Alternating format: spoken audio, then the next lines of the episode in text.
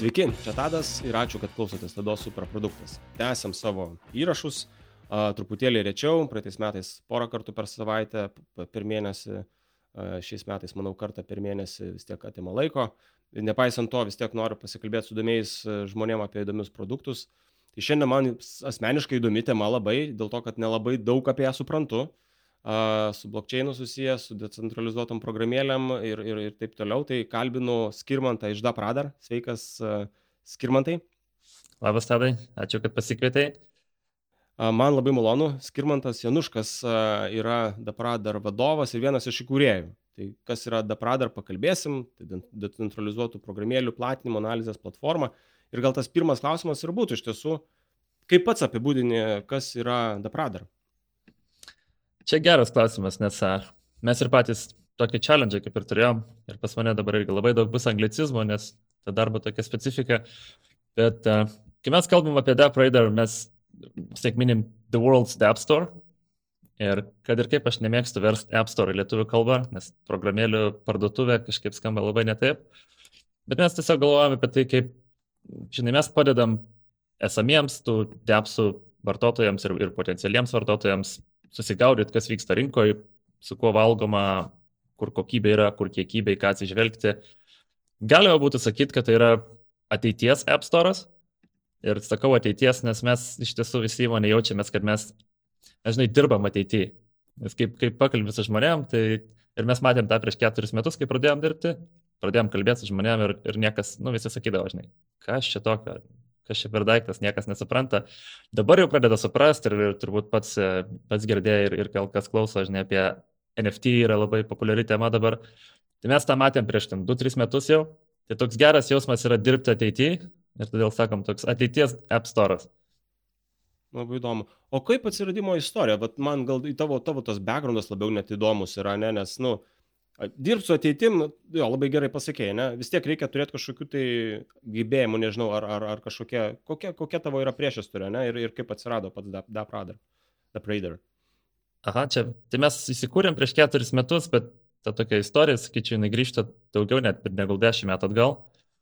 Tai kai aš susitikau co-founderį Dabradaro, tai ten buvo, sakykime, man, aš nežinau, man buvo gal 13 metų, 14 ir co-founderiui ten 18, tai mes remote susitikom, jisai išsienietis.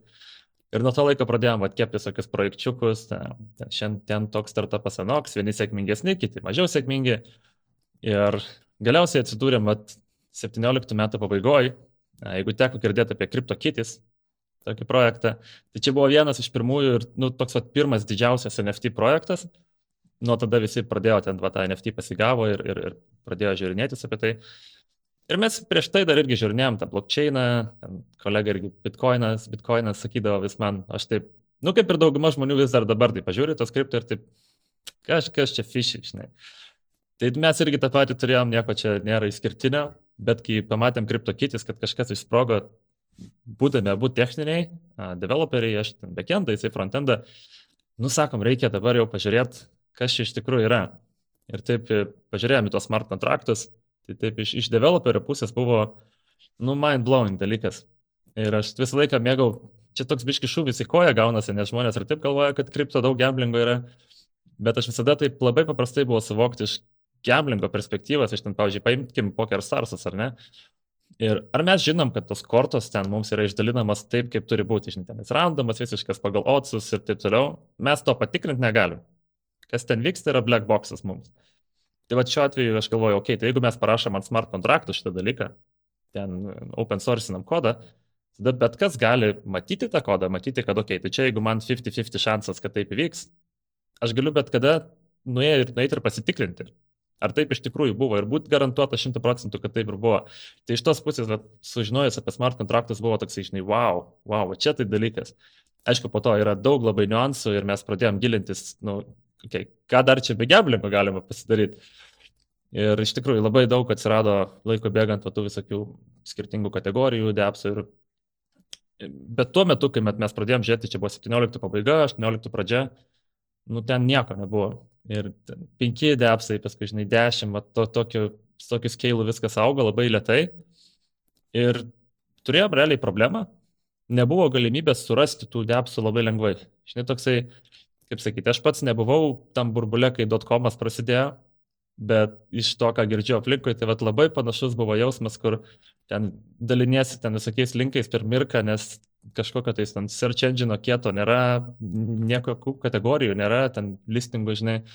Tai gavosi toksai, tokia problema natūrali, kad o tai kaip mes rasim tos depsus, žinai, ir kaip, kaip, kaip, kaip jais naudotis, kaip ten kas veikia, niekas neaišku, toksai labai, labai daug neaiškumų. Ir vėlgi, būdami techniniai žmonės, supratom, kad, nu, okei, okay, tai blockchainas, visi kalba, kad duomenys atviri, bet kas gali prie, prie jų prieiti. Tai žiūrėk, paimam, padarom kažkokį tokį, va, nežinau, listingo platformą, trackerį, kuris ten sektų, kiek yra ten naudotojų, kiek pinigų praeina pro tai ir panašiai. Tai čia buvo mūsų toks savaitgalio projektas. Susėdom penktadienį vakare, sekmadienį pasileidom. Ir tuo metu turėjome būdų full-time darbus kaip developeriai. Tai pirmadienį tai maždaug buvo toksai, oi, tai reikia eiti iš darbų ir, ir jau pradėti šitą full-time daryti. Maždaug va tok, tokia buvo pradžia, nes ir prasidėjo viskas, tiesiog mes pašerinam Reddit'e, atrodo, pasidalinom linką ir ten buvo parašyta, netgi dabar atsimenu, we just built CoinMarketCap for devs. Žinai, toks buvo marketingas maždaug pirminis. Išsprogo ten tuo metu mūsų, kaip sakyt, scale, ten gavom 4-5 tūkstančius gal userių per naktį. Tai buvo toksai geras postumis, kur, nu, čia jau reikia daryti, žinai, reikia, kažkas iš to gali būti. Tai nebuvo tokios masinės idėjos, kad čia dabar nuversim pasaulį, bet tiesiog weekend projektas, kuris pavyko, Ir nuo to vat išsirutuliuojam dabar iki, iki ten, kur esam. Tai čia labai fainai, čia toksai pomėgis, kuris ta, tapo iš tikrųjų kažkokiu tai rimtų, rimtų verslu. Ar gali truputėlį papasakoti apie tą program, decentralizuotų depsų, ne, e, esmė yra kokia? Nu, aš suprantu, čia atvirumas, atminėja, ne, iš to pokerio pavyzdžio. Kas, kas dar yra? Nu, kam, kam tas de decentralizavimas? Čia galbūt vėliau apie truputėlį ir apie tendencijas pašnekėsim, kas čia vyksta, ne pasaulyje. Bet vat, bendrai, ta prasme, kodėl čia koks, koks tikslas tų programėlių, kodėl jos dabar va, eiliniam žmogui yra aktualios. Ar jos kažką tai pakeičia, nes, nu, tų pokerio žaidimų buvo prieš tai, čia truputėlį kažkas gudriau. Bet, žodžiu, kame čia yra toksai kabliukas? Tada kiek turim laiko? Ne, šiaip čia, čia tokia tema debatams, žinai, nes nuomonių labai labai daug. Ir kiekvienam, kiekvienas įsirenka, va, irgi, kaip sakai, žinai, vienam privatumas, kitam kažkas kita. Tai aš tokius gal kaip iš žinai, iš mano pusės ir ne tik iš mano pusės, viena pagrindinių dalykų būna, kad nu, tarpininkų nebuvimas. Tai kaip pavyzdys, žinai, jeigu nori pasimti paskolą iš banko, tu turi laukti atsakymą. Jeigu tu nori pasimti paskolą kažkokią tai kripto ten per depsus naudodamasis, tau nieko nereikia laukti, nes viskas yra atvira, viską iš karto pasiema ir tau duoda atsakymą, va, taip, žinai, on the fly. Tai va toks tarpininkų nebuvimas tada yra saugumas, Nes, e, nu, ir vienas iš, iš tokių aspektų, sakyčiau, dabar yra begalė atvejų, kaip ar tai tradiciniai bankai, ar ten fintechai, kaip revoliutas tiesiog blokuoja sąskaitas, nelabai gilinantis į tai, kas ten vyksta ir neklausia klausimo, paskui tenais kovok su vėjo malūnais. Tai šituo atveju, žinai, ar dėti pinigus į banką, ar slėpti koinę, ar turėti kripto ir mokėti su to tvarkytis. Manau, čia irgi svarbus aspektas.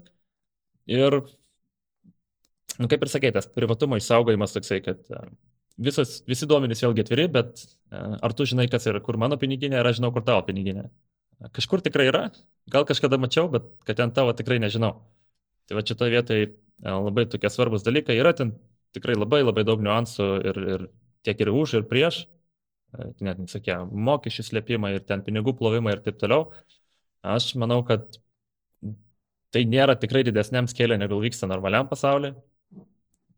Ir kalbant apie mokesčius ir taip toliau, tai aš pats labai žinau daug žmonių ir kaip tas, kaip sakyt, komunikacija aplinkoje vyksta, kad tai susitvarkyti reikia valstybės lygmenių, lygmenio mokesčių sistemą ir, kaip sakyt, mokesčius mokėti, nemanau, kad daug kas turi problemą, tiesiog tam infrastruktūros tvarkingos nėra, tai paskui atsiranda problema, žinai, kad mes įrodinėt per, žinau, devynės jūras, turi, iš kur tu čia gavai, o aš pasirodo NFT pardaviau. Žinai, tai tokie, tokie vat niuansai. Ir tai va čia būtent apie apskritai apie kripto pasaulį, ne, ne tik apie depsus, bet grįžtant prie depsų, tai, nu, tai yra dvi kategorijos depsų, mano nuomonė. Tai yra tos, kurios pakeičia appsus egzistuojančiam pasauliu dabar.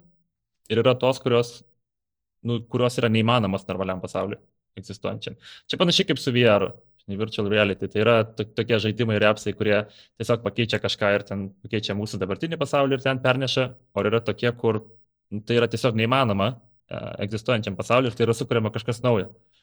Tai lygiai tą patį mes ir, mes ir čia matom. Ir iki šiol, jo, turbūt po pirmus 2-3 metus, gal, nu, ir dabar dar vis dar matom tokį transformaciją iš egzistuojančio pasaulio į šitą, kad tuos pačius įrankius ten pernešam ir taip toliau, žinai, ir bandom tiesiog tą patį atkurti, bet vis labiau matosi, kad pradedam kurti kažką tokio naujo, kur nu, tai yra tiesiog neįmanoma va, tam normaliam pasauliu, nes vėlgi mes šiandien turim tarpininkų, nereikia niekino laukti, nereikia nieko atsiklausti. Aš kaip visada sakau, jeigu nori Booking.com alternatyvą pasidaryti arba kažkokią tais paieškos būsto paslaugą padaryti, tai tu turėjai Booking.com, gauti ten iš jų API, ten Airbnb eisi, žinai, irgi ten ieškosi visko. O jeigu tai vyksta blokčiai, tai tiesiog pasėmė smart kontraktą, pasižiūrėjai, kokias funkcijas yra, pasiskambinai tenais programiškų būdų ir pasiemi. Ir tau nieko nereikia laukti. Tai, tai duoda žymiai spartesnį augimą. Ir kaip mes sakom, kad metai blokčiai yra 10 metų realiam pasauliu. Tai... Okay. Tampa didelė. Labai. Truputėlį grįžtant prie to skripto ir to reguliavimo nebuvimo, čia tas vat, karo dabartinio Ukrainai atveju, ne, ten sankcijos ir, ir kažkiek ir esu girdėjęs, kad vat, rusai ten į tą kripto labiau, nes yra liktis galimybių ten kažką tai ne, ne, nelegaliai pasislėpti, žodžiu, paslėpti tuos rautus, tai Tai čia tavo supratimu labiau, ką minėjai, kad ne, ne tiek, kad pats skripto iš savęs toks yra, bet tiesiog reguliavimo nebuvimas kažkoks. Ar, ar, tai teisingai supratau, kad, nu, tokia mažai kam suprantama sritis yra ir ten tada nedaug kas tiek supranta, kai palyginus su tradicinė kažkokia sistema, ne, kur yra re, reglamentuota ir taip toliau. Tai čia yra dėl to, kad tiesiog mažai kam žinoma yra tikriausiai, ne, mažai kas supranta tam tikrus dalykus, tam tikrus niuansus, tai yra galimybė, vadinasi, na, kai nesupranti, tai labiau lengviau yra gal puslėpti kažką tai pervesti pinigus? Na, manau, kad taip. Ir, ir, ir, žinai, dabar mes kalbam apie... Aš tikrai neturiu atsakymo, kaip tą padaryti tvarkingai. A, tai, žinai, nesakau, kad čia jo, darykit taip ir taip ir bus viskas cool. Bet turim dabar tokius kaip a, Europos, Europos parlamente dabar irgi ten, man atrodo, šią savaitę buvo ten sprendimai irgi priimami, dar negalutiniai, bet maždaug, kad jeigu exchange'ai siunčia pinigus, supaprastinant labai, jeigu exchange'ai siunčia pinigus į kažkokį walletą, tai iki šiol būdavo tiesiog nu, kaip tu gauni exchange, tu turi ten daryti KYC ir, ir turi exchange'as apie tave žinot. Dabar išsiūsdamas iš exchange pinigus, jie nori padaryti, kad tu, kad exchange žinotų, kas yra tas gavėjas, kuriam tu siunti. Nu, ir ten atsiranda tokių labai didelių rizikų, kur, reiškia, nulykinus exchange duomenis, tokie atsiranda, nu, tu nešiojas taikinį ant kupros.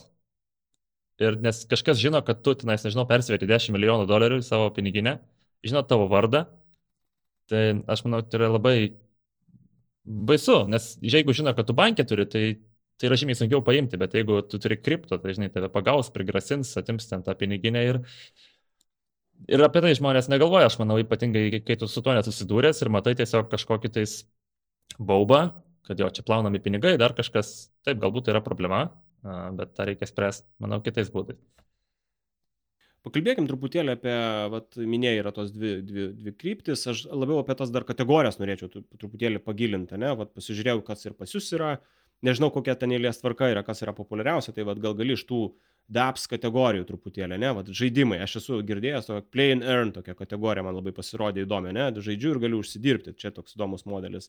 Decentralizuoti finansai, gamblingas tikriausiai ten, ne, vėl tie, tie patys exchange'ai, NFTs tikriausiai kokius vat galėtum pavardint nežinau top tris tokius svarbiausius svarbiausias kategorijas kurios bumina ir ir tikrai turės sakykim ilgalaikę tokią perspektyvą ilgalaikę naudą ir ir ir išliks nebus tiktai vienkartinis kažkoks tai nu mhm. vienkartinė mada mes šitas taip stebim tokius va trendus nuo pat pradžios ir labai faina yra matyti, kaip, kaip keičiasi rinka, kaip, kaip tobulėjom.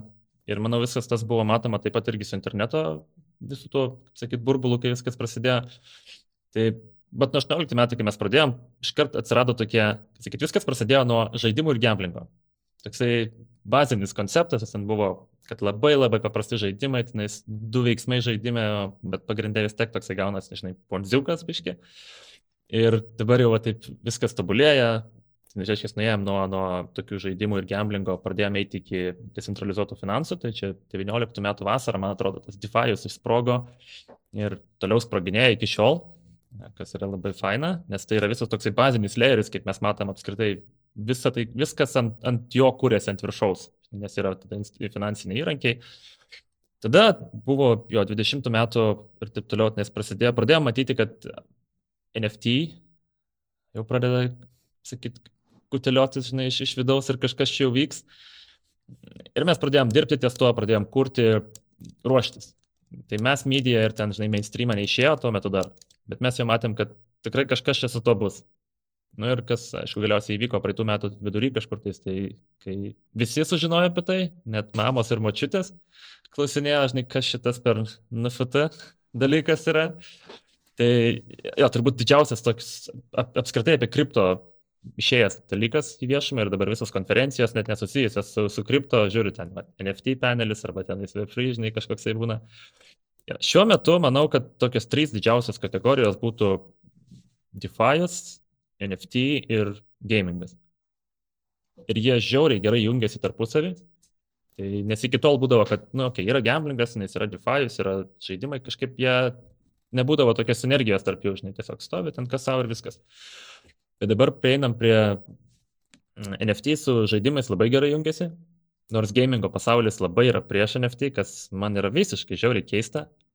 Aš niekaip šito nesuprantu, uh, ypač atėjęs iš e, Steam gaming platformos, ten, žinai, Steam Marketplace'as, ten CSGO skinai ir taip toliau, kur įmami nežvėriški mokesčiai, vis tiek žmonės tą patį daro, yra black marketai, tai reiškia, slepiami mokesčiai, plaunami pinigai, tu prarandi didelius pinigus kaip žaidėjas, tu neturi free marketo, visi tai daro, bet visi yra prieš NFT ir man toksai, pff, aš ne, nesuvokiu, kodėl taip yra, bet manau, kad sinergija su NFT yra labai didelė ir tai vis tiek ateis, nori jie ar nenori, pamatys naudą paskui.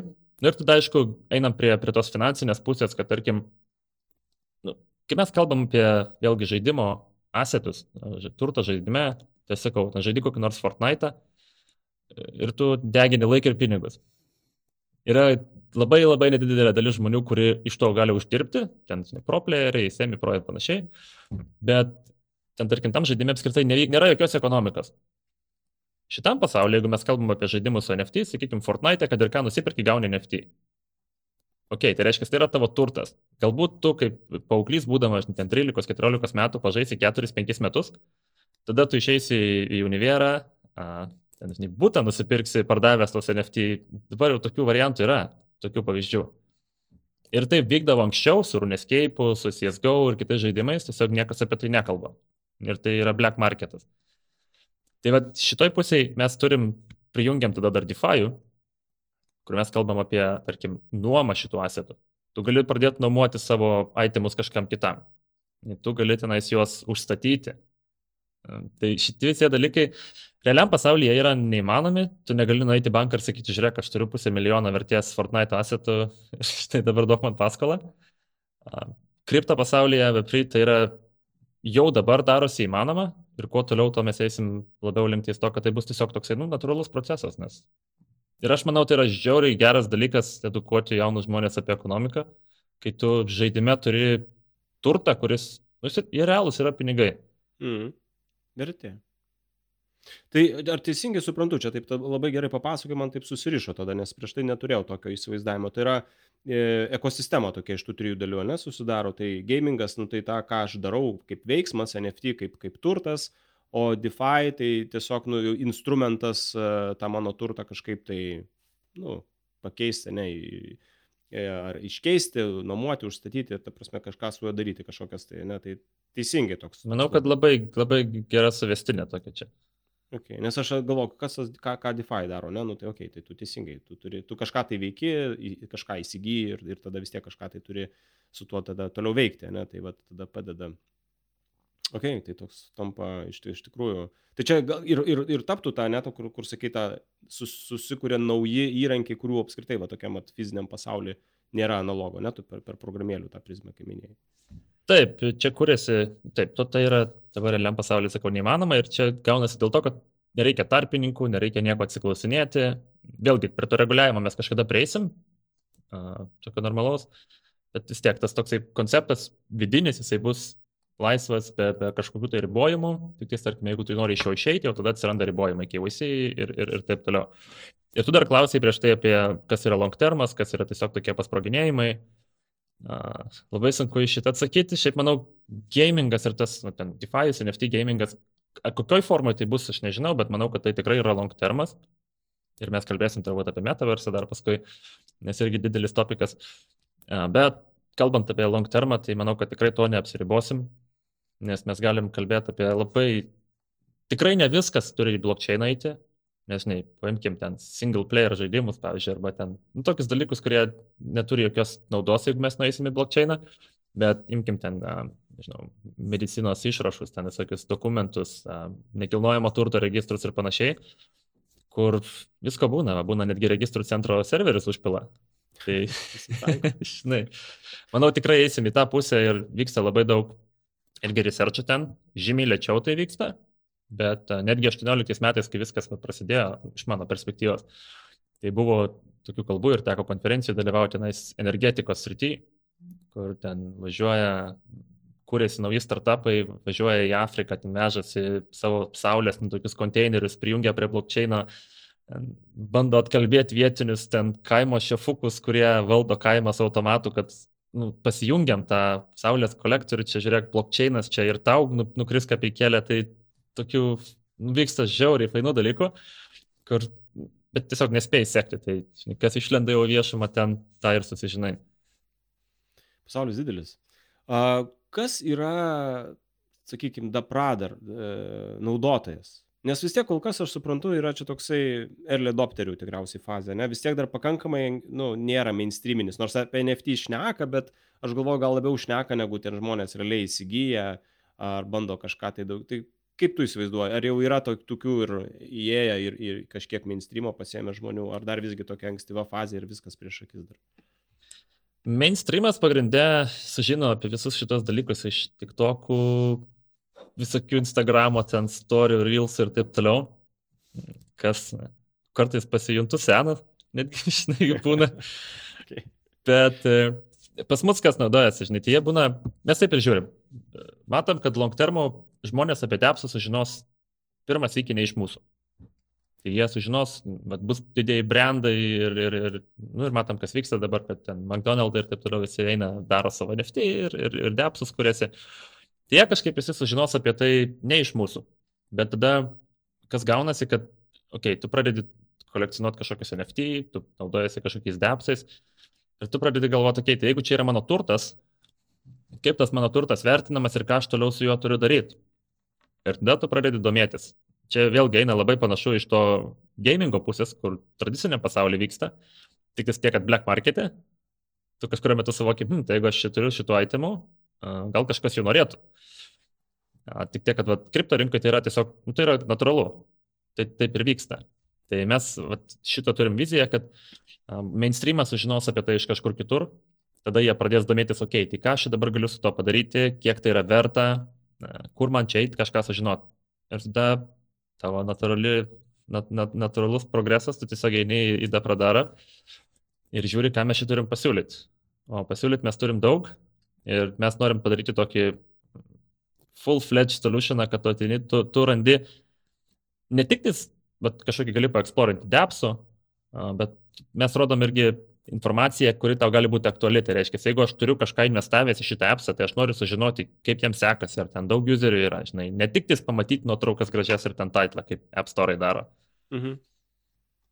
Tai okay. tokie mūsų, jos šiek tiek dar užbaigsiu, tie naudotojai yra tokie, kurie dažniausiai kažką jau girdėjo apie depsus ir arba bandė jau naudotis, arba jau nori naudotis jais. Čia būtų dauguma tokių. Tada dar turim, aišku, tam tikrą dalį depsų developerių, kurie irgi ateina pas mus ir tos depsus submitina, updateina pastoviai ir lygina, aišku, su konkurentais save. Ir turim investuotojų, analitikų, va tokį irgi nedidelį pulą, bet kurie labai akiliai stebi ir pastoviai beldžiasi duris, prašo informacijos, kas mus labai džiugina. Bet mes vis tiek kalbam čia apie tos jaunus žmonės tokius, ne? Tai, nu, nežinau, čia tai tos terminais kaip čia, bet tai nebus, sakykime, tie baby boomeriai, kokie, nu, vyresnio amžiaus žmonės. Čia vis tiek mes kalbam apie tokius pakankamai te technologiškai pažangius, nu, jaunimą, ta prasme, gal tos pačius IT, profs, industrijos žmonės, ne, kurie tikrai susidūrė su to, nes, nu, aš taip sunkiau įsivaizduoju ten, kad ir vyresnius žmonės, kurie tai taip stipriai plačiai naudotų? Ar, ar, ar visgi čia taip toks burbulas čia yra iš mano ir ten kitose šalyse, nes pasaulis didelis, tai yra pakankamai nu, pla, plačiau paplitę negu tik tai kažkoks siauras IT tenai ratas. Manau, priklauso nuo to, kodėl jie apskritai šitą burbulą pateko, jeigu mes jį dar vadinsim burbulu. Jis jau pakankamai turė, turės prokt, man atrodo, seniai. Bet priklauso nuo to, iš kur jie atėjo ir kodėl. Pavyzdžiui, šiaip aš in general sutinku su tavo šito teiginiu, kad ar, ar prielaida, kad daugiau tai yra labai jauni žmonės ir labai jauni žmonės, bet yra tokių sričių, kaip, pavyzdžiui, pats kalbėjai apie play to earn, paminėjai. Tai, pavyzdžiui, Venezuela, Filipinai ir taip toliau tos besivystančios šalis, kai prasidėjo play to earn ir ypatingai X Infinity, kas buvo didžiausias toks dalykas, ten gavosi taip, kad žmonės žaidžia, kad uždirbt pinigus ir tada tau nesvarbu, kas tai yra per rinką, su kuo tai yra valgoma, tu tiesiog žinai, kad, okei, okay, tai jeigu aš dabar gaunu 100 dolerių per mėnesį, ir jeigu aš ten telefoną pasiemu ir paspaudau per dieną, nes 800 mygtukų, ir aš gausiu per mėnesį 200 dolerių, tai man nesvarbu yra, ar aš jaunas, ar senas, ar, žinai, ar čia, ką man čia reikia padaryti, aš padarysiu. Tai tada buvo irgi atsirado labai daug žmonių irgi, kurie, ten mes jau kalbam, netgi 60 metų ir panašiai, kur, nu, nepavadinsi, kad labai jaunas žmogus, bet nesenas dar. Ir tai va, yra labai skirtingų, manau, iš kur tie žmonės ateina ir kodėl. Bet šiaip kalbant apie va, tokį general, tą ir ypatingai kūrimą viso šito. Naudojimas gal žinai vieną pusę, bet ypatingai kūrimas. Tai šiuo metu mes tikrai turim rinkoje ne vieną ir ne du pavyzdžius, kur 13-14 metų žmonės, developeriai sukuria ten protokolus finansinius, kurie ten savyje neša 200-300 milijonų arba milijardus kelis. Tai grįžtant į temą, kur, vėl, ne, negrįžtant į temą, bet buvo tokių išsakytų nuomonių čia Lietuvoje, vardais neminėsiu, kad ką gali 20 metais, kokias gali pareigas užims svarbės. Tai šitoj temoj, jo, 13 mečiai valdo 200-300 milijonų turto, ką gali šiais laikais 20 mečiai užimti. Okay. Jo, čia labai geras dalykas, ta prasme, gal vis tiek e, tas amžius duoda savo, bet ta prasme, ką tai reiškia, kaip tai atrodys pasaulis po dešimt metų, ne? Ta prasme, ten tokiam net atrodo, nu, dešimt daug metų, bet realiai greitai praeis tas laikas ir visai kitaip atrodys. A, papasakok, truputėlį jau buvai užsiminęs, a, taip labiau, sakykime, iš tos Dapradar, ką, ką galima veikti Dapradar. Ne, aš pasižiūrėjau, ten ir rankingai yra, portfolio trackingas, vertės vertinimas, įvairių dalykų. Ar, nu, tai, tai yra nemažai tokių visokių, nežinau, įrankių, sakykime, ne, ar jie yra visi vienodai naudojami, kaip, kaip skiriasi, kas yra vis dėlto tas, nu, App Store, sakė, ne, tai uh mhm. -huh. tikriausiai iš principo man reikėtų rankingus kažkokius pasižiūrėti ir pasi, pasitrekinti gal mano portfolio. Tai galbūt šitie du dalykai yra svarbiausi. Ar visgi yra ir kitos dalis nemažiau svarbios? Reportus ten daro, ten nemačiau apžvalgas rinkos, kiek, kiek, vat, žodžiu, kaip plačiai ir kokios dalis Deprader yra naudojamos. Tai labai gerai pasakėjai. Tas toksai pagrindinis pats App Store konceptas tai yra matai rankingsai ir portfolio. Ir lyginant, vėlgi, App Store su App Store, App Store turi gražų pateikimą, gražias nuotraukas, titlus, jie tau siūlo, ką jie nori ir su tuo ir važiuojam, žinai, tuo mes ir naudojamės. App Store perspektyvai, kaip ir sakau, kadangi yra labai daug įtrauktų realių pinigų ir tu tai, ką perki, tu tai turi savo žinai, kupriniai ir tu tai nešiesi su savim, gali bet kada parduoti, mainyti ir, ir, ir, ir išnuomoti, tada tu nori sužinoti daugiau. Tai ne tik nuotraukos, ne tik ten paveiksliukai ir titlai, tai jau eina statistika, informacija, ar mano tas appsas, kurį aš naudoju, ar jisai kyla į viršų, ar jis leidžiasi. Tai gaunasi rankingsai su visa šita informacija, kur tu tiek stebi esamus depsus, kur tu naudojasi, tiek sėki naujus, nes gali būti nauja galimybė, arba konkurentas tavo esamam appsui, tai gal tu nori, žinai, šitą parsiduoti ir iššokti ant naujo. E, tokie yra dalykai. Ir tada turim, kaip ir pats sakėjai, portfolio, kuris yra būtent grinai sekti tai, kas vyksta su tavo portfeliu. Ir mes tenais e, paimam tiek ir tuos paprastus e, tokenus, kur turbūt mainstreamas jau dabar visiškai juos žino, e, tiek NFT ir DeFi'aus tos finansinius investicijas irgi bandom šitos užtrekinti. Tai realiai turi tokį visą overview, žinai, ką aš turiu investavęs, kiek aš dabar turiu tokenų, kiek NFT.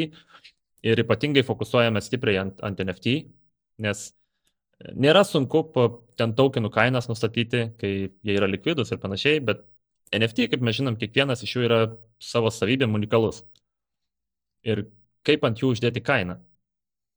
Tai yra labai sudėtinga ir viena iš tokių didesnių problemų rinkoje, žinai, tada gaunasi, jeigu nėra kainos ir nėra jokių estimatų, tai jie tokie nelikvidus gaunasi. Tai mes turim savo vat, komandą, kur ten dirbam su machine learningu ir išskaičiuojam pagal praeities pardavimus, pagal tai, kokias jie savybės turi, lyginam ir, ir vat, nustatom kainas, Na, jau dabar turbūt virš 30 kolekcijų, NFT didžiausių turim ir tai darom. Tai savo portfolio atsidarai ir ten matai, kokia tavo maždaug portfolio vertė yra. Nereikia ten spėlioti ir pačiam rankom rankiotis dalykų. Tai čia tie du dalykai, rankingsai ir portfolio yra, sakyčiau, pagrindiniai elementai. Ir rankingsai tai yra tai, su kuo mes pradėjom apskritai. Ir pagrindinis vis dar mes traktuojam tai kaip pagrindinį mūsų tokį feature, core feature. Portfolio būtų antras. Ir tada yra tokių visokių, kaip sakyti, mažesnių, bet gal net nemažiau svarbių dalykų, kaip vėlgi mes turim pats, sakai, blogą, kur ten rašom ir šiaip labai daug straipsnių rašom, labai daug kontento pušinam, reportai išeina kas mėnesį, kas ketvirtį, labai daug gaunam paminėjimų, ten Forbes, Wall Street Journal taip toliau, die žurnalai bombinami esame e-mailais ir prašymais ten pakomentuoti kažką. Kaip, kaip toks šaltinis apie depsus, tai esam prasimušę labai stipriai. Iš pradžių buvo gan keista, net sakyčiau, toksai, kaip sakyt, darom produktą, žinai, ir norisi tiesiog tokį startup life palaikyti ir dažnai gaunasi, kad, okei, okay, tai čia pas mus mes media dabar eina ir, ir, ir klausia informacijos. Bet pripratom prie to, kokybę laikom, tai labai smagu, kad jie pas mus eina ir, ir nori tos informacijos. Tai čia labai gerai, nes nu, mato kaip ekspertus, tai tikrai duoda tokių nu, bonusų taškų, kaip sakyt, karmas taškų. Ne? Taip, O koks yra verslo modelis, o dabar, ne, nu, vis tiek minėjai, ateina žmonės pas jūs, ne, įdomu, jie kažkur kitur sužino apie tos dapus, ne, ir tada, okei, okay, reikia man pasižiūrėti, svertinti. Jie atėjo, nu ką, pasižiūrėjo, išėjo. Bet jums reikia užsidirbti vis tiek, iš kažko gyventi. Papasakok, prašau, ne, aš tam mačiau ir konkursai liktais kažkokie yra, kažkoks liktais yra afiliatas. Tai vat, kaip, kaip atrodo jūsų verslo modelis, iš ko uždirbat pinigus? Pradėkime nuo to, kad vartotojai niekas pas mus nekainuoja. Tai tas mums yra labai svarbu, kad jeigu norim turėti App Store, mes marketą, žinai, ten mes adoptioną pasiekti, tai turi būti for free. Ir tai vartotojai nieko nekainuoja. Mes turim du pagrindinius dabar revenue streamus, kuriuos planuojam paupgradinti ar pakeisti. Bet šiuo metu tai yra tokie pakankamai tradiciniai, tai yra reklama, tai yra vienas iš dviejų pagrindinių, tai žinai, baneriukai ir taip toliau, pakankamai paprasta. Antras yra toks labiau specifinis mums, tai yra blockchain integracijos.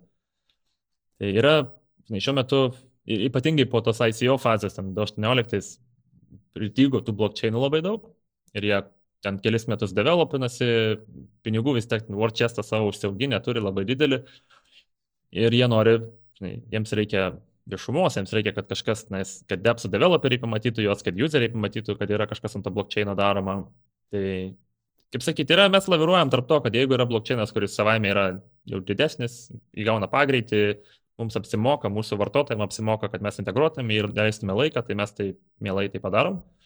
Jeigu yra kažkoks ten, kur labai mažas aktyvumas, neapsimoka realiai mums integruoti, mes realiai prašom, kad uh, blokčiainų, sakyti, developeriai pakoverintų šitus kaštus mūsų ir už tai susimokėtų. Tai mūsų va tokie du revenue streamai pagrindiniai yra. Bet čia, sakyčiau, tokie yra mes dar vis dar esam toksai Web2 uh, verslas. Uh, toksai, mes traktuojam tokį kaip Web2 to Web3 gateway, žinai, esam, jeigu taip vidinę kalbą kalbant. Ir matom, kad ateityje tai keisis ir labai stipriai. Tai turi keistis į kažką tokio kaip uh, tokį vat, būtent Web3 modelį, kur nėra tarpininko, žinai, mes dabar vis tiek turim ten. Ir aš čia vėlgi nenoriu pasakyti taip, kad žinai, ten komanda nebebus salesman ar kažko, tai visada bus, bet tiesiog kai lipsim į viršų ir, ir scalinsimės labai stipriai, tai, kalbant apie user base, tai norim pasidaryti taip, kad tas toksai tie revenue streamai būtų tokie labiau automatizuoti, labiau blockchain nature savy turėtų, kad, okei, okay, tai aš pamačiau kažką čia, tam paspaudžiu mygtuką, žinai, užsisakiau kaip developeris ir man dabar ateis daug userių. Tai tokį labiau automatikos daugiau ir tas visas toks free turi konceptas į, į revenue streamus pajudėti. Patikslink, prašau, vat, reklama aišku, tradiciškai, ne? Integracijos, Ko, kas per integracijos, ta prasme, e, truputėlį detaliau, ta prasme, ką integruojat su kuo ir ką, ką, ką, kokia nauda tada gaunasi ten useriui arba tam integracijos užsakovui, nežinau kaip čia pavadinti. Dabar, kai, kai jeigu, tarkim, apsilankysi pas mus rankingsuose, ten matysi, kad ant viršuje ten rodo gal 40 blokčiainų. Dabar atrodo 48 jau yra. Tai daug pirmais metais mes, 18 metais mes visus integravom 3 blokčiainus, 19 gal dar 5, šiemet turbūt jau dabar kokius 10 integravom per, per vien tik šios metus per 4 mėnesius, 3. Tai jų vis daugėja ir, nu, žinai, yra Etheris, yra ten Tronas, yra Binance Smart Chainas ir taip toliau visi tie blockchainai. Ant daugumos jų galima kurti depsus. Ant Bitcoino, tarkim, kaip sakyti, nu, standartiškai tenais neina, neturi tos tokio supporto palaikymo depsų, bet Etheris ir kiti turi. Tai vat, atsiranda nauji blokčiai, kurie, sakykime, nu, jie turi kažkokį tais uh, savo selling point, arba jie sako, mes esame greiti, arba mes esame labai saugus ir taip toliau. Bando pramušti, kad kurkit depsus ant mano blokčiaino, ant mūsų blokčiaino, nes jisai kažkuom geresnis negu, tarkim, Etheris yra. Ir tada jie natūralu nori pritraukti dėmesio, nori pritraukti lankytojų ir developerių, tada jie sako, okei, okay, tada pradaras, dabar jūs uh, suintegruokit mūsų blokčiainą į savo rankingsus. Tai reiškia, kad mes pradedam visą data iš šių blokčiainą uh, traukti pas save ir tada mes galim jau parodyti, kad jų depsus naudojasi tiek žmonių, pinigų tiek praeina. Nu, ir taip toliau. Tai toksai, čia toksai techninis sprendimas yra, kad gauti data visą parsipūsti iš jų blokčiaino ir pas tave pasistorinti. Aišku, o tada, jeigu nepaslaptis, ta prasme, tai ta integracija, nu, nes limituotas skaičius, ne, nusakai, pradžioje mažiau buvo, dabar jau čia kažkiek tai jau visai mhm. nemažai atrodo, bet stil, nu tai nėra šimtai, sakykime, ne, a, dešimtis, ne, tų vienetų.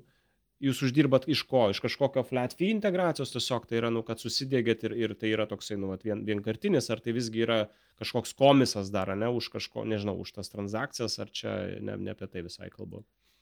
Komiso už transakcijas ir ten panašiai nėra, yra labiau toksai subscription fee, kuris vis tiek mums reikia daryti maintenance, mums kainuoja ten tie blockchain naudai, serveriai ir taip toliau, kurie, sakyt, palaiko dėgymą.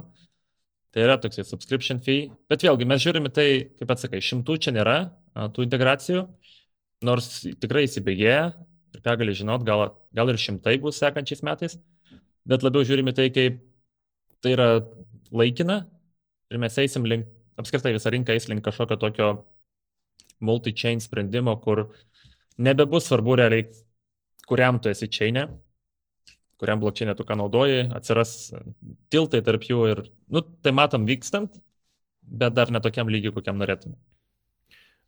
Aš galvoju dar truputėlį tokį nukrypimą apie tuos visus blokčiainus, nes tradiciškai, nu, kai sakom blokčiainas, tai numeris vienas yra bitkoinas. Bent jau man tai, ta prasme, nuo seno, jis kadangi gal pats pirmas toksai buvo, ne, tada eteris yra. Ir, ir suprantu, ta prasme, kad, nu, eteris yra dėl smart contracts, ne, yra iš, iš savęs jisai daug mhm. pažangesnis mhm. negu bitcoin, nes bitcoin yra tik tai, nu, valiuta. Gali truputėlį, va, tokį tą skirtumą tiesiog klausytoje mane, bitcoin slash ethereum, eteris slash kiti blokčiai, kurie yra pas jūs ir, nu, va, kodėl čia bitcoino iš principo nėra. Tai manau, kad labai paprasta. Ir aš šitą vietą irgi sutinku su tavim, kad bitkoinas pirmas, paskutinė eteris eina. Aš pats iš tos, kaip sakau, kai supratau, ką smart kontraktai gali. Ir Eteris turi smart kontraktus, Bitcoinas neturi.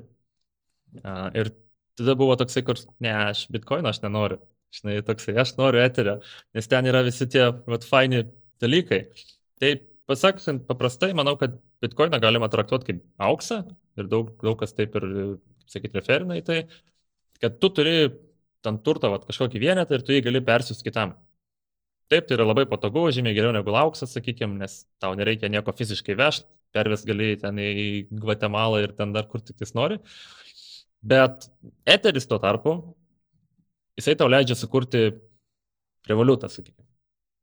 Jisai tau leidžia kurti appsus, jisai tau leidžia pasakyti, žinai, nustatyti taisyklės, ką su tais pinigais daryti pervedimo metu, ar to juos išskaidyti iš šimtų skirtingų žmonių, kai aš pervedu kažkam, žinai, ar ten Tai duoda begalę variantų ir tai sukuria tokį, nu, sukuria tą application layerį, kur tu gali sukurti taisyklės, tu gali aprašyti, nu, tas smart kontraktas, vadinkim, įstatymą parašai, kuris veikia lygiai taip, kaip tu parašysi. Jeigu tu įstatymę paliksi spragą, kas vyksta ir realiam pasauliu, tai būk tu tikras, tikrai ateis kažkas iš tavęs pasimtos milijonų ar smart kontraktai yra tik tai toks, nu, eterio, sakykime, dalykas, ar, ar kiti blokčiai irgi turi savyje, ar kažkaip kitaip jie vadinasi dalykai? Nu, tai yra toks.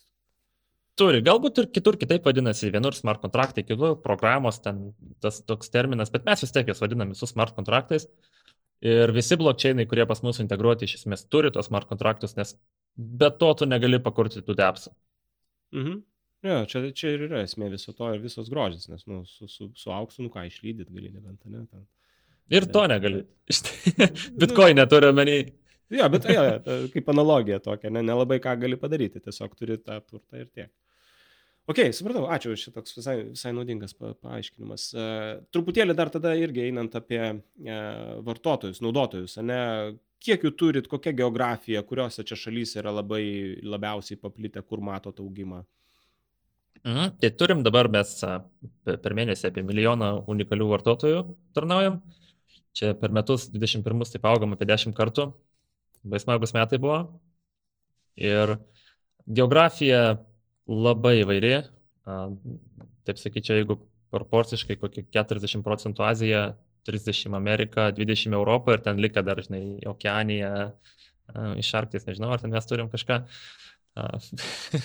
Galbūt, bet maždaug tokia proporcija. Jeigu Azija, turi... sorry, čia, mhm. čia Kinija ar, ar to pietrytinė labiau Azija?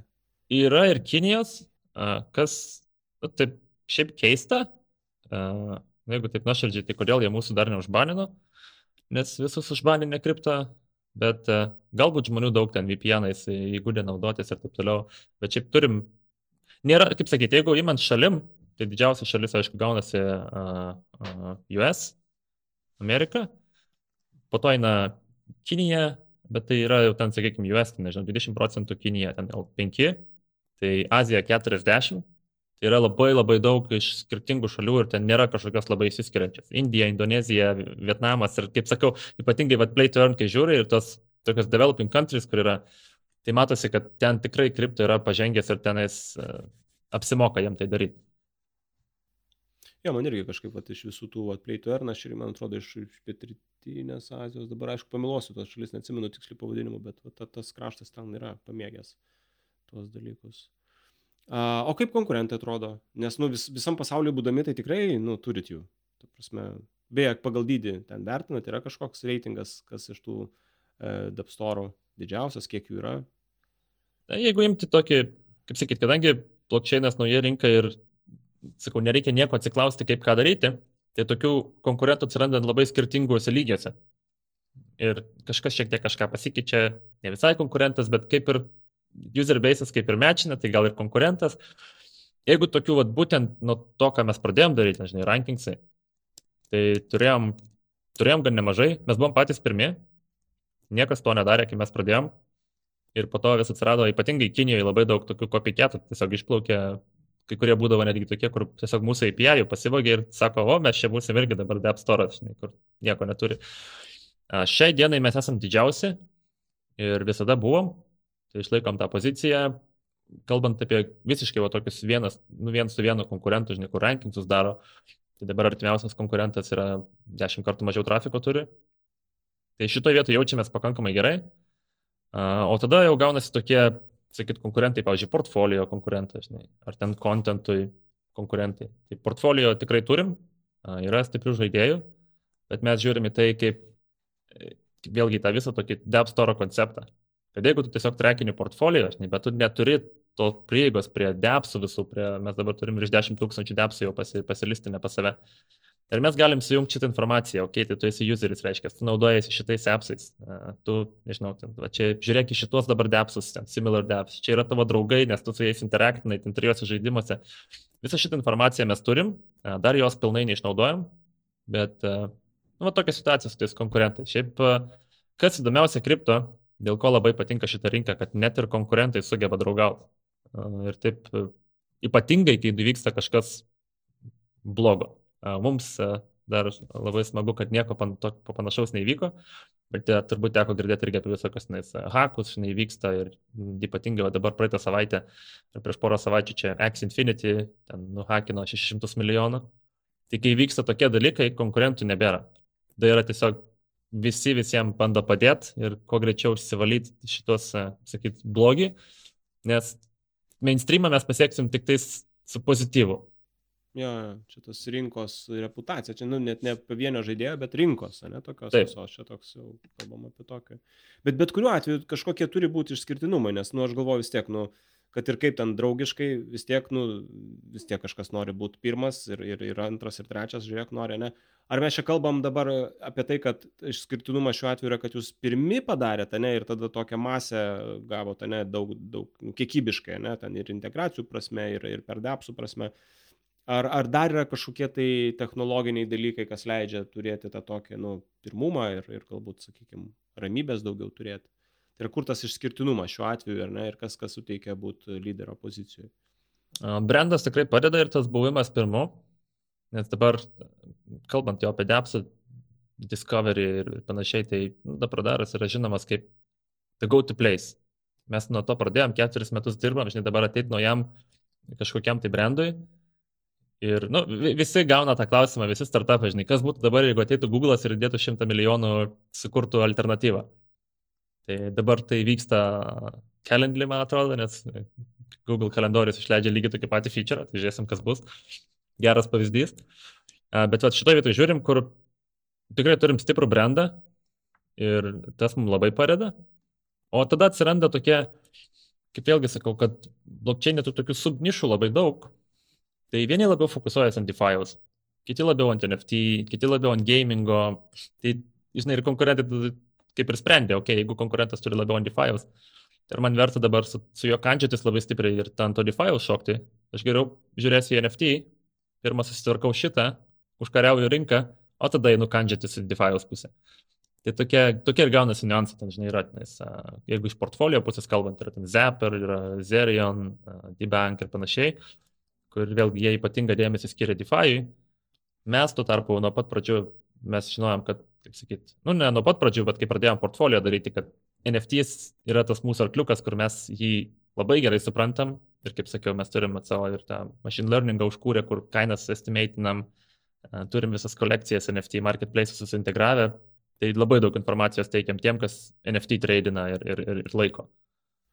O kalbant dar truputėlį praplečiant verslo iššūkių pusę, ten kalbėjo ne apie tai, kad jeigu atsitinka, atsitinka kažkoks nuhakinimas visai rinkai, tai čia tas aš įsivaizduoju dar, nu, bendrai rinkos tokia galbūt, ką ir šnekėjom pra, pradžioje, ne, kad dar tokia neiškita galbūt rinka yra čia toks vienas tikėtina, ne, kažkoks iššūkis long terminis. Ar yra dar kažkokių, kurie tokie labiau galbūt apčiopiami šiandienai, su kuo susidurėt, kas, kas neduoda mėgotramiai? kas neduoda mėgotramiai, čia irgi tas investuotojų toksai tradicinis klausimas, žinai, kaip tos fundraisers praėjom tada ir būdavo, kas neduoda mėgos, kas ramybės neduoda. Ne, ne, viskas gerai, ramiai mėgam, tik jis juodam akim atėni. tai turbūt didžiausias dabar, nu bent jau iš mūsų perspektyvos, vienas didžiausių tokių iššūkių yra apskritai rekrutmentas, darbo jėga. Nes, nu, kalbam apie IT rinką, mes žinom kokią situaciją, bet tada paimkim blokčeiną ir ten yra dar šimtą kartų mažiau žmonių, kurie tuo domisi, kurie gali tai daryti, arba kurie, nu, kurie nori, bet nuoširdžiai. Nes čia vėlgi turim tą tokį, man atrodo, dabar turim situaciją rinkoje, kaip anksčiau būdavo su teisininkais ir, ir, ir medicina, kaip kada, kad aš noriu ten eiti, nes ten daug pinigų. Ir labai daug matom dabar žmonių, kur sako, aš labai noriu, man įdomu šitą rinką, aš va, developinu kažką, kažką developini gal, bet ką žinai apie blokčeiną, nu yra čia bitkoinas, eteris, o žinai, kokiu depsą bandęs, ne. E, gaunasi taip, kad nu, turi visus mokyti, visus turi augintis ir, ir, ir, ir labai sunku atsirinkti. Manau, kad šitoje vietoje yra sudėtinga ir tai mes matom netgi, aišku, Lietuvoje tokių nėra kainų ir, ir šiaip Europoje, bet jau ten, Amerikoje, Silicijas lėnis ir taip toliau ten eina kosmosas, kur tiesiog developeris, kuris e, prieš metus laiko ar prieš pusę metų pasuko į Web3, e, jis išdirba pusę milijono per metus, tarkim. Tai... Mm. Nu čia ankstyva ta rinka, ne? dėl to čia toks va, stygius yra matyti. Bet netrodo, kad sustos. Ir tas baisiausia. E, nes tada reiškia, tiesiog viskas auga. Ne, ne, ir, ir kur, kaip sakyt, kiek tau reikia uždirbti, kad tu retairintum? Kiek tu laiko dirbsi, žinai, įprastai, va, developeris dirba ten 20 metų, net 30 ir, ir, ir developina. Jeigu tu uždirbi po pusę milijono per metus, arba dar daugiau, tai sakykime, pusę milijono plus tok optionai arba tokenai, tai tu už dviejų metų tiesiog sakysi, ai, man užtenka.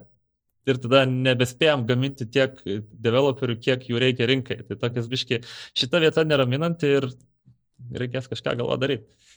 Įdomus dalykas, jo tikrai. Pakalbam dar apie tendencijas tada, vat, įdomi, truputėlį išnekėjau kelis kartus apie Web3, ne, ir aš galvoju, kiek čia tas Web3 yra toksai, nu, žinai, gražus žodis, toksai, e, kiek ten iš tikrųjų gali visas tas internetas į tai paeiti ir, nu, pats sakė, ne, esat labiau kaip gateway tikriausiai, ne, iš Web2 į Web3. Mhm.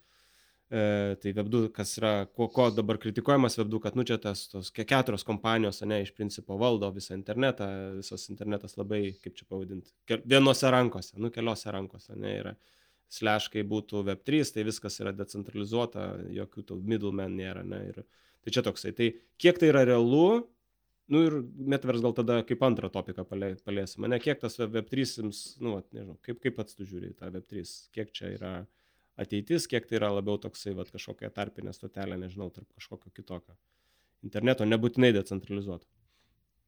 Manau, kad decentralizuotis mes turim, nes matom, kas vyksta pasaulyje, kai decentralizacijos nėra.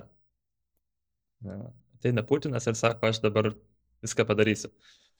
Tai manau, kad tas va, toks ir buvo, žinai, kur yra diktatoriai, tai yra demokratija ir tada einam prie kažkokio decentralizuoto sprendimo. Turi begalį iššūkių, matom, kad dabar, kaip sakyt, bandom atkurti va, tokią decentralizuotą demokratiją. Davos, tai tie kuriasi belė kiek turi iššūkių ir ten žiauriai sunku yra juos valdyti. E, įsivaizduojam tokį procesą, jeigu dabar leistų bet kam prisijungti į Seimo Zoom pokalbį ir išreikšti komentarą savo, žinai, ką dabar turėtume daryti. Tokie dalykai vyksta, tose, žinai, DAO vidinėse sprendimuose, kurie valdo milijardus dolerių ir vyksta geras toksai chaosėlis. Tai dabar esam dar tikrai labai, kaip sakyti, jaunoji stadija šitoje vietoje. Bet aš manyčiau, kad va, ten, ten turėtume eiti, link to, va, kalbant čia apie, apie governance, kalbant, žinai, apie va, šitas organizacijas. Bet uh, šiaip Aš nežinau, ar tai bus tokiam, tokiam formate viskas, kaip dabar žinai, vaizduojasi. Turbūt e, vėlgi prieš 25 metus kokius apie internetą irgi žmonės taip labai galvoja, negu ką mes dabar turim. Tikrai negalvoja, kad tik to, ką turėsim. Bet volia. Viena, ko aš esu labai, sakyt, labai tikiu ir, galbūt net galėčiau sakyti, įsitikinęs, kad mes tą metaversą pamatysim tokį, kokį geresnį, negu mes matėm Ready Player One. Ir jis aфиgenas bus, aš tiek galiu pasakyti, nes aš kai, kai žiūriu dabar į tai, kas vyksta su um, gėjimai susijungia, žinai, su NFT, DeFi, tada priimsim dar VR. Ir kaip ir sakiau, kuriami dalykai, kurie realiam pasaulyje yra neįmanomi. Arba tai yra tiesiog nepatogus, bet tu staiga iššokai į VR ir tai yra pasidarė patogu. Tai kaip pavyzdys, neseniai irgi išėjo naujas VR appsas, toksai muzikinis ten. Ir visi kaip supranta, ne, kad galvoji, o tai čia bus gitara, pianinas, ten dar kažkas. Nevelnio, jie susikūrė naujus instrumentus būtent VR. Tai va, toks va mąstymas, žinai, kad ir čia labai dažnai irgi iš, iš produkto pusės žiūrint, mes ir viduje kalbam apie tai, kad nesugalvojam kažkokį feature ir taip, nu, make sense, bet, bet čia web 2, žinai, toksai, o kaip mes dabar pasuksim jį į tą web 3, žinai, ir tada, ah, Tai bet... čia to monologija mane, mes. Tai va aš ir galvoju, nes dabar, nu kas metaversą kūrė, tai nu Facebookas, ten Microsoftas. Tai čia kaip... Ne, ne, ne, ne, ne, ne, ne. Reikia tą, reikia pra, pra, praeiti kažkaip, tai, tai, tai, tai galvoju, ar čia tas tikras metaversas kada bus, po to, kai žlugs e, Facebooko metaversas, ar, ar net nesusikurs, ta prasme, nes, nu, čia mes tada kalbam labai ilgais laikotarpiais, ko gero, aš galvoju, kaip, kaip tau atrodo, kokie čia laikotarpiai, nu, ta prasme, kad prie 10 metų, nu, gal, žinai, taip atrodo, mes neįvertinam kas bus po 10 metų, po 10 metų atrodys, kad, u, pažengėma. Ne, nu kaip visą laiką, į ateitį žiūri, atrodo, nu, sunku įsivaizduoti. Taip. Pažiūri atgal, nu, viskas makes sense. Labai, labai šitą irgi praėjom tokį, kad sunku ateitį nuspėt, arba net labiau nenuspėt, tu gali žinai spėt, bet visada, visada atrodo, kad, nu, negi tie gali būti. Ir tada praeina tie metai ir tris kartus daugiau buvo ir toksai, auč. Tai kalbant apie metaversą, čia yra tas toks irgi debatas, kas tai yra apskritai. Ir visos įmonės dabar nori, va čia ant Facebook aš turbūt piktas bus visą gyvenimą, kad jie sugalvoja metą pasivadinti. Labai jau cheap move, bet aš nemanau, kad tai, tu gali susikurti tiesiog savo metaversą. Tai, tai metaversas iš esmės, tai aš matyčiau kaip mes turim webą, tu ateini į browserį ir tu belė kur nueini, Tai lygiai taip pat metavers būtų, kad e, gal vėlgi tam pačiam browseriui gali būti. Bet tu gali patekti į, okei, okay, Facebookas turi savo kažkokį hubą, žinai, tenais e, Microsoftas turi savo hubą, aš šokinėjau tarp jų ir man niekas netrukdo.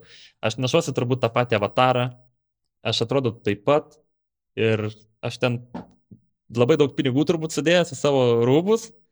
Tai, žinai, va tokį kaip nu, labai, bet sakau, tas Ready Player One konceptas, jisai mane veža ir aš manau, kad turėsim dar geresnį variantą.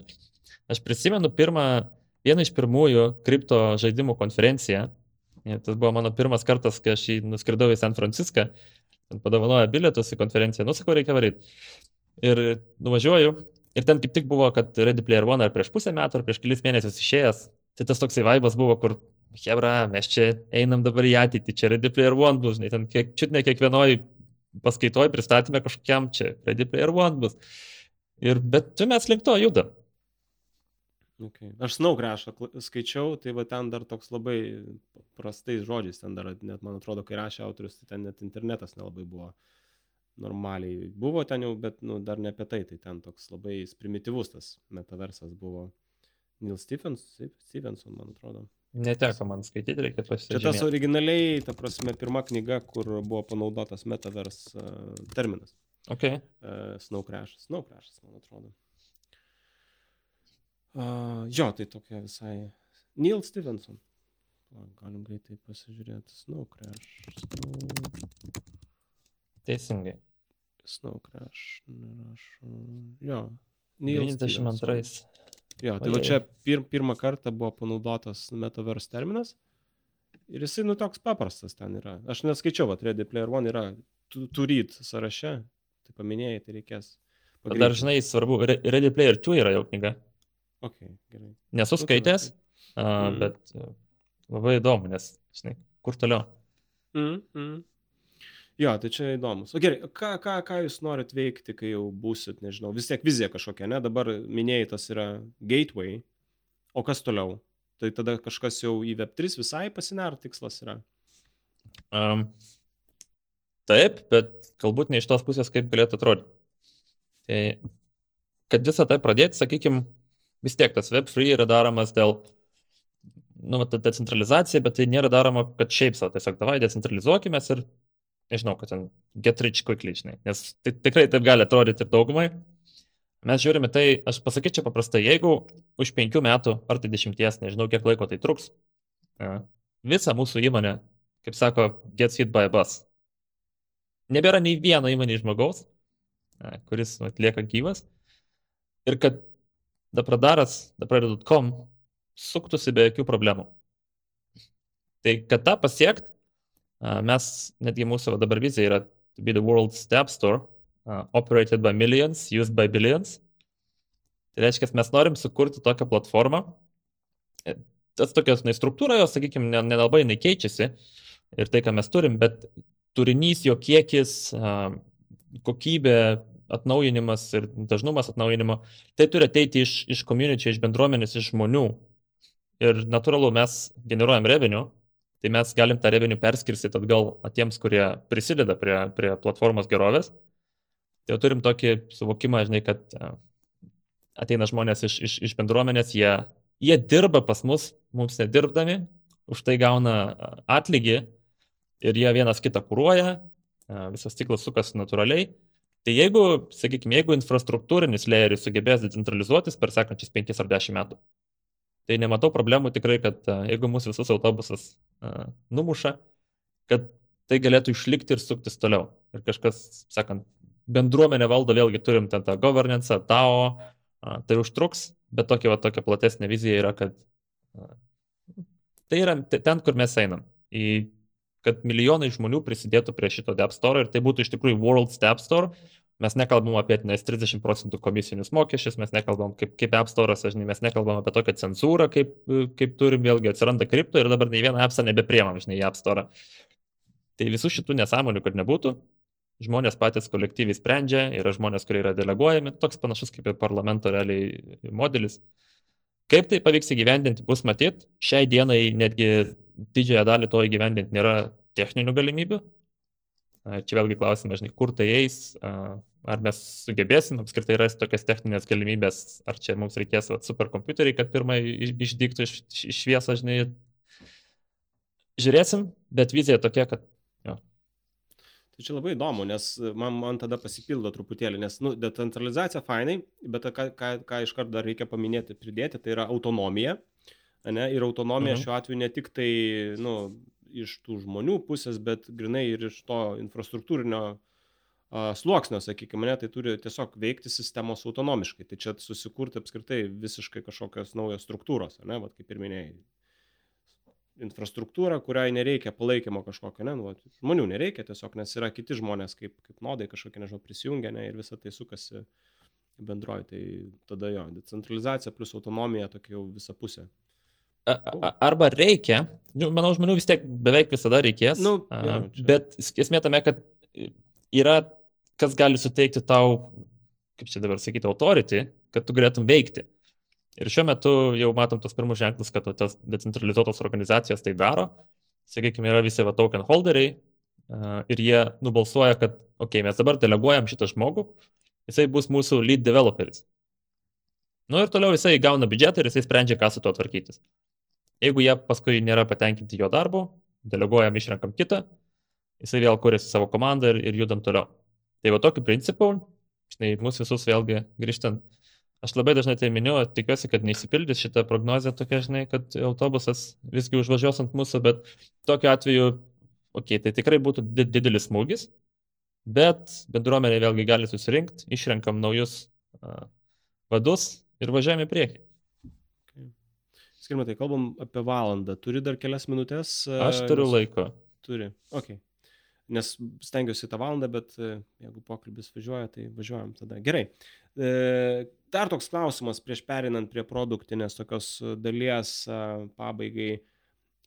Kas tau yra obvious? Aš, aš tokį girdėjau klausimą, kai mes kalbam ir pats matau, esi, nu, girdžiu, vizionierius, ne, ta prasme, turi ir kai kuriems žmonėms tam tikri dalykai nėra obvious, ne, nu, kalbant apie tą Web3 pavyzdžiui, ne, mhm. kad čia bus, nebus. Uh, ar galėtum apibendrinti va tokius dalykus, kažkokias kertinius, kertinės tezės, kas tau sako, nu, taip, tai bus, ta prasme, tai akivaizdu, kad einama link, link tam tikrų dalykų.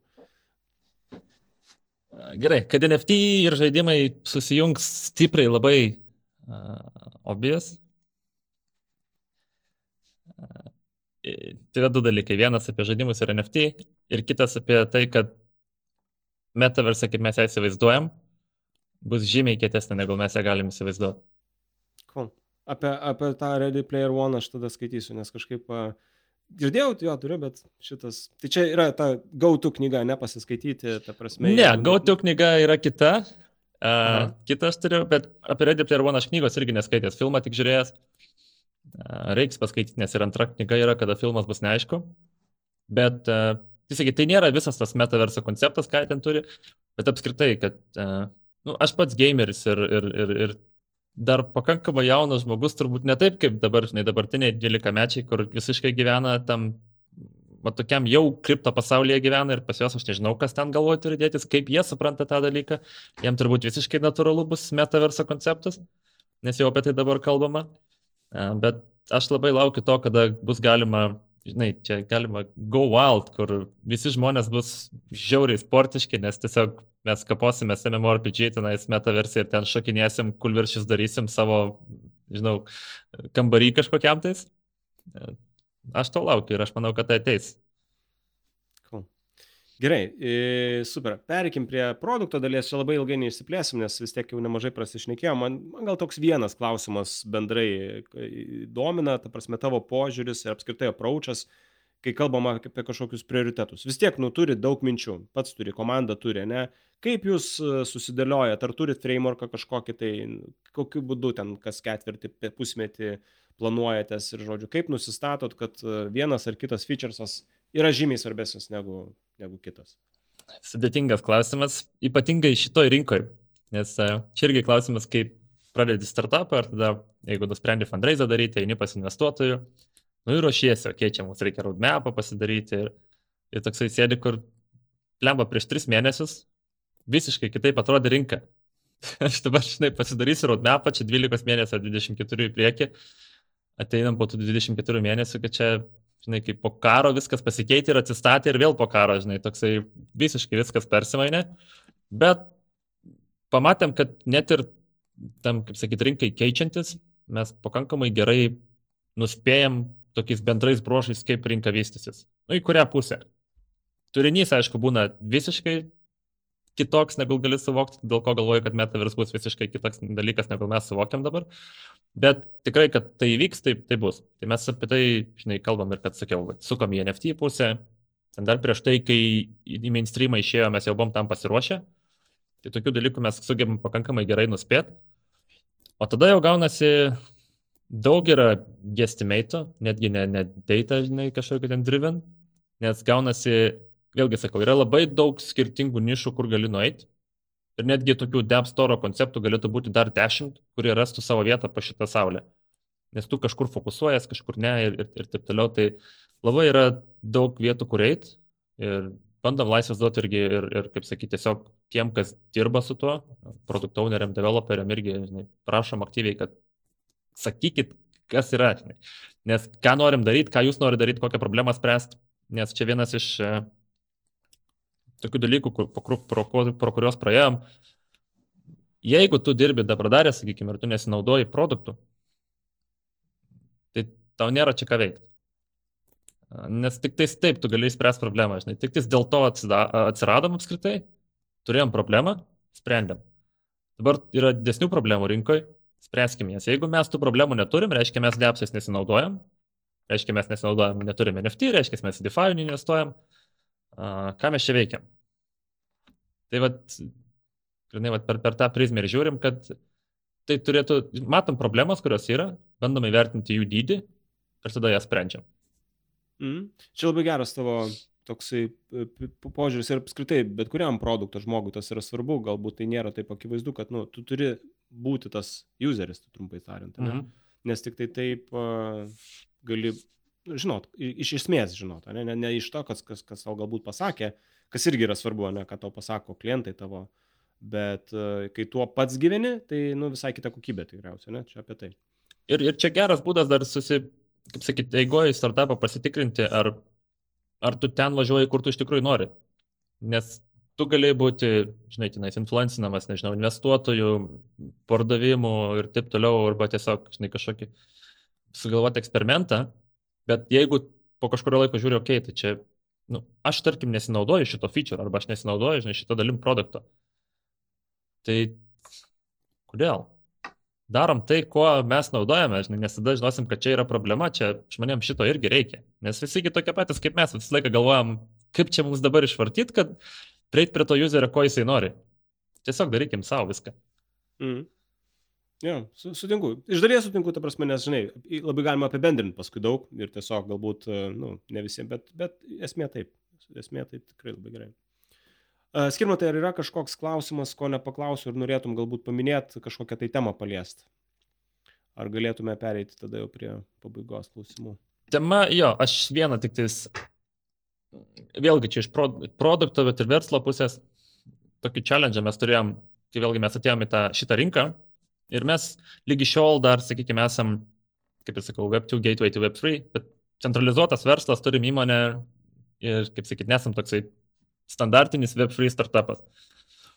Ir turėjom mintis apie tokeną, kurį įsileidom prieš gerus, nu, 3,5 mėnesio. Apie tai mintis sukam kokius 3 metus gal. Vis išlysdavo, kad, okei, okay, tai čia buvo iš pradžio, gal ICO reikia daryti. Nu, bet toks, ne, žinai, kur panaudosim tą tokeną, kur čia bus ta, nes nenorėjom tiesiog padaryti šitkoiną, kur išsileidžiam, ten išsikešinam, žinai, ir paskui, nežinau, ir ant širdies skauda, ir dar ten legal dalykai ir taip toliau. Ir praėjo gal kokie 2-3 metai realiai nuo, nuo to laiko, kai, kai mes pradėjom, 2 metai nuo to laiko, kai pradėjom galvoti apie tokeną, kai pagavom pirmą tokią mintį, kur, okei, okay, va čia jau galėtų būti jau ne šitkoinas, jau čia jau randam tokią tikrą apčiopiamą vertę kažkur jame Ir tada nuo to pradėjo dar turbūt pusmetis ar metai, kol, kol dėjom iki, okei, okay, darom. Nes jau matom aiškę viziją, kur eisim. Tai aš iš tos pusės gal tokia vat, problema, kur ir mes patys turėjom, ir jeigu yra, nežinau, kažkokių, gal žinai, žmonių, kurie planuoja savo pradėti, tas toksai įsivaizdavimas, kur tai čia visi, kurie daro, turi ten jau grandiozinius planus, nu, tenais visko prisimastę, turi ten žino, kaip ką daryti, nevelnio. Tai viskas labai vyksta on the fly Ir labai smagu yra matyti irgi net iš, žinai, iš mūsų vidaus, kur žmonės susigalvoja savo kažką daryti arba išeina į kitus startupus mažesnius, tai tas, niekas nežino, kaip reikia teisingai daryti, visi tiesiog daro. Ir tu dabar džiaugiamės, kad pasileidom tą savo tokeną ir judam link to, kad taip, tiem planam, kuriuos aš pasakau apie decentralizaciją, apie turėti žmonės, turėti bendruomenę, kuri pastovi vis prideda turinio ir valdo tą visą mūsų dapradarą, tai mat, tokenas tam ir bus reikalingas. Okay. Tai čia labai, labai pritariu, ta prasme, turėti planą, tai gal net kaip tik yra žalinga, ne, ta prasme, yra istorija tų pavyzdžių, ten penkmečio planai, kurie, nu, neveikia tiesiog, tai uh -huh. tas lankstumas, ta prasme, nežinau, ar čia gera analogija, bet, ta prasme, mes vis tiek, nu, tikrai nežinom, nereikia apsimetinėti, ne, čia tas, ta prasme, daug dalykų ir greitai keičiasi pasaulis ir, ir tiesiog pagal, pagal, ja, super, labai labai. Ar galiu truputėlį plačiau, kas per tokenas tas jūsų yra? E, na, apibūdinimą, ar čia dar ne, ne, ne, ne, not for public? Ne, public, tai jisai jau išleistas 3,5 mėnesio. Ah, okay. uh, jo, vadinasi Raider tokenas. Tai galima ten CoinGecko, CoinMarketCap'e susirasti. Tai jisai būtent yra tam, kad, kad mes galėtumėm tą vat, ekosistemą paleisti, nes reikia kažkokios, tokios, sakykime, vidinės valiutos, kuri uh, atitinkamai nuo mūsų performance. Nu, mes čia iš esmės, jeigu viskas tvarkingai pavyks, turėtumėm perkelti vertę iš įmonės laikui bėgant į šitą tokeną. Mm. Kad, tai čia kaip, kaip akcija, ta prasme, tokia iš principo kažkokia. Ne? Taip negaliu sakyti, bet sakykime, kad ten, žinai, revenue ir taip toliau viskas pradės eiti į, į, į DAO, bet token holderiai gali spręsti ten, tam tikrus klausimus, kelti ir spręsti. Tai nu, čia toks labai long terminis sprendimas, tam dar reikia ir teisinės bazės, ir techninių sprendimų, ir apskritai rinkos tokio išsivystimo. Bet einam link to, kad Na, įsivaizduokim, turim depsų developerius, jiem reikia daugiau userių. Žinai, tai ką mes darom, tada sakom, ok, depsų developeris, dabar tu ateik pas mus ir įdėk tenais e, milijono dolerių vertės tokenų, mes tau leisim pasikurti kažkokius tais ant questus, achievementus ir taip toliau, žinai, pas mus platformai. O useriai atitinkamai nori tos questus daryti, nes jie gauna rewardus iš mūsų, iš, iš, iš tą pradaro. Ir tada gaunasi, užkuriam tokią ekosistemą, kur turim tuos, kurie kūrė questus, turim tuos, kurie questais naudojasi, turim tuos, kurie uh, informaciją apie depsus, apie visokį, kūrė ten guide, gaidus visokius, žinai, tenais onboardingo ir taip toliau. Tokį full-fledged ekosistemą ir tam mums reikia vidinės valiutos. Tai vad būtent tam buvo sukurtas atradaras ir radaro tokenas. Iki tol buvo labai sudėtinga, nes nematėm tokios aiškios vizijos ir sakėm, nu ne, mes neleisim tokeno, kol mes neturim kažkokios aiškios vizijos, nes tokių tokenų, kurių niekam nereikia, yra begalė. Mm. Supratau. Labai make sense. Ačiū, Skirmantai. Gerai. E, labai buvo įdomu, man prisipažinsiu įdomi tema ir, ir įdomiai papasakojai. Tai pabaigai dar tada pakankinsiu tris, tris e, trumpi klausimai. Tai pirmas e, iš, iš tų trumpų klausimų yra knyga, kurią norėtum rekomenduoti. Šitą. Tokia labai keista, keista iš, iš mano lūpų kalbant, nes kaip Na, yra knyga vadinasi It doesn't have to be crazy at work. Čia yra čia Jason Fried, Basecampo co-founderio, ar ten abiejų founderių knyga. Ir ten kalba apie, vad grinai, kaip neturi būti darbe crazy. Ir jie sugebėję yra pasiekti tokią stadiją, kaip viskas standartizuota tenais ir darbuotojų algos standartiškos, darbo laikas standartiškas, kompensuoja ten belekiek atostogų jam, ten visokių ir taip toliau toks atrodo tobulas, žinai, darbo environmentas. Ir aš tą knygą skaičiau ir taip galvoju, aha, gerai būtų. žinai, tokia, tai keista iš tos pusės, kad visiškai tikrai taip nėra pas, žinai, pas mus, pas mane ir turbūt daugelį startupų, bet tokia kaip aš ją laikau, galvoju tokia kaip utopija ir kartais vis grįžtu prie to, nu, neturi būti darbė labai toksai, žinai, tempas milžiniškas, ne visada, Ir kartais vis noriu grįžti ir vis prisimenu tą knygą ir sakau, hebra, irgi paskaitykit, nes gal pakeis kažkiek tą požiūrį, galbūt ramiau mėgosim. Tai labai smagi. Super. O minėjai dar apie Metaverse, liktai supratau, kažkokia yra GoTo knyga, ar, ar, ar netaip supratau? A, ne, lik šito neminėjau, tai aš tiesiog turbūt Ready Player One, žinai, Ready Player 2, gal šitas yra. Okay, okay. Cool. Gerai, tai šitą, šitą užsirašiau, jau būtinai, būtinai reikės paskaityti. Uh, Antras klausimas, kokius įrankius darbe naudoji kasdien? Dabar iš esmės 90 procentų darbo dienos tai yra slekas, browseris ir nautai. Nieko, nieko įspūdingo. Okay. Nu, tai esminiai įrankiai. Uh, ir paskutinis tada tavo patarimas produktistui, žmogui, kūrenčiam produktus. Manau, kad jau kaip, kaip ir buvo tas, kad spręsk savo problemą. Nes tada nereikia nereikia galvoti, ką daryti. Žinai, tu jau, kaip sakyti, nereikia susikurti problemas. O jeigu susikuri problemą, tada kiti jos neturi. O jeigu tu turi problemą, turbūt dar šimtas milijonų žmonių ją turi. Tai čia toks turbūt labai paprastas, nes toliau viskas tai easy. Jeigu tu turi problemą, turi ant ko dirbti, važiuojam. Book useris, ta prasme, ne. Ir... Super. Ačiū Skirmantai už tavo laiką. E, labai įdomios mintis, įdomus pokalbis, tai linkiu sėkmės ir iki. Ačiū tau.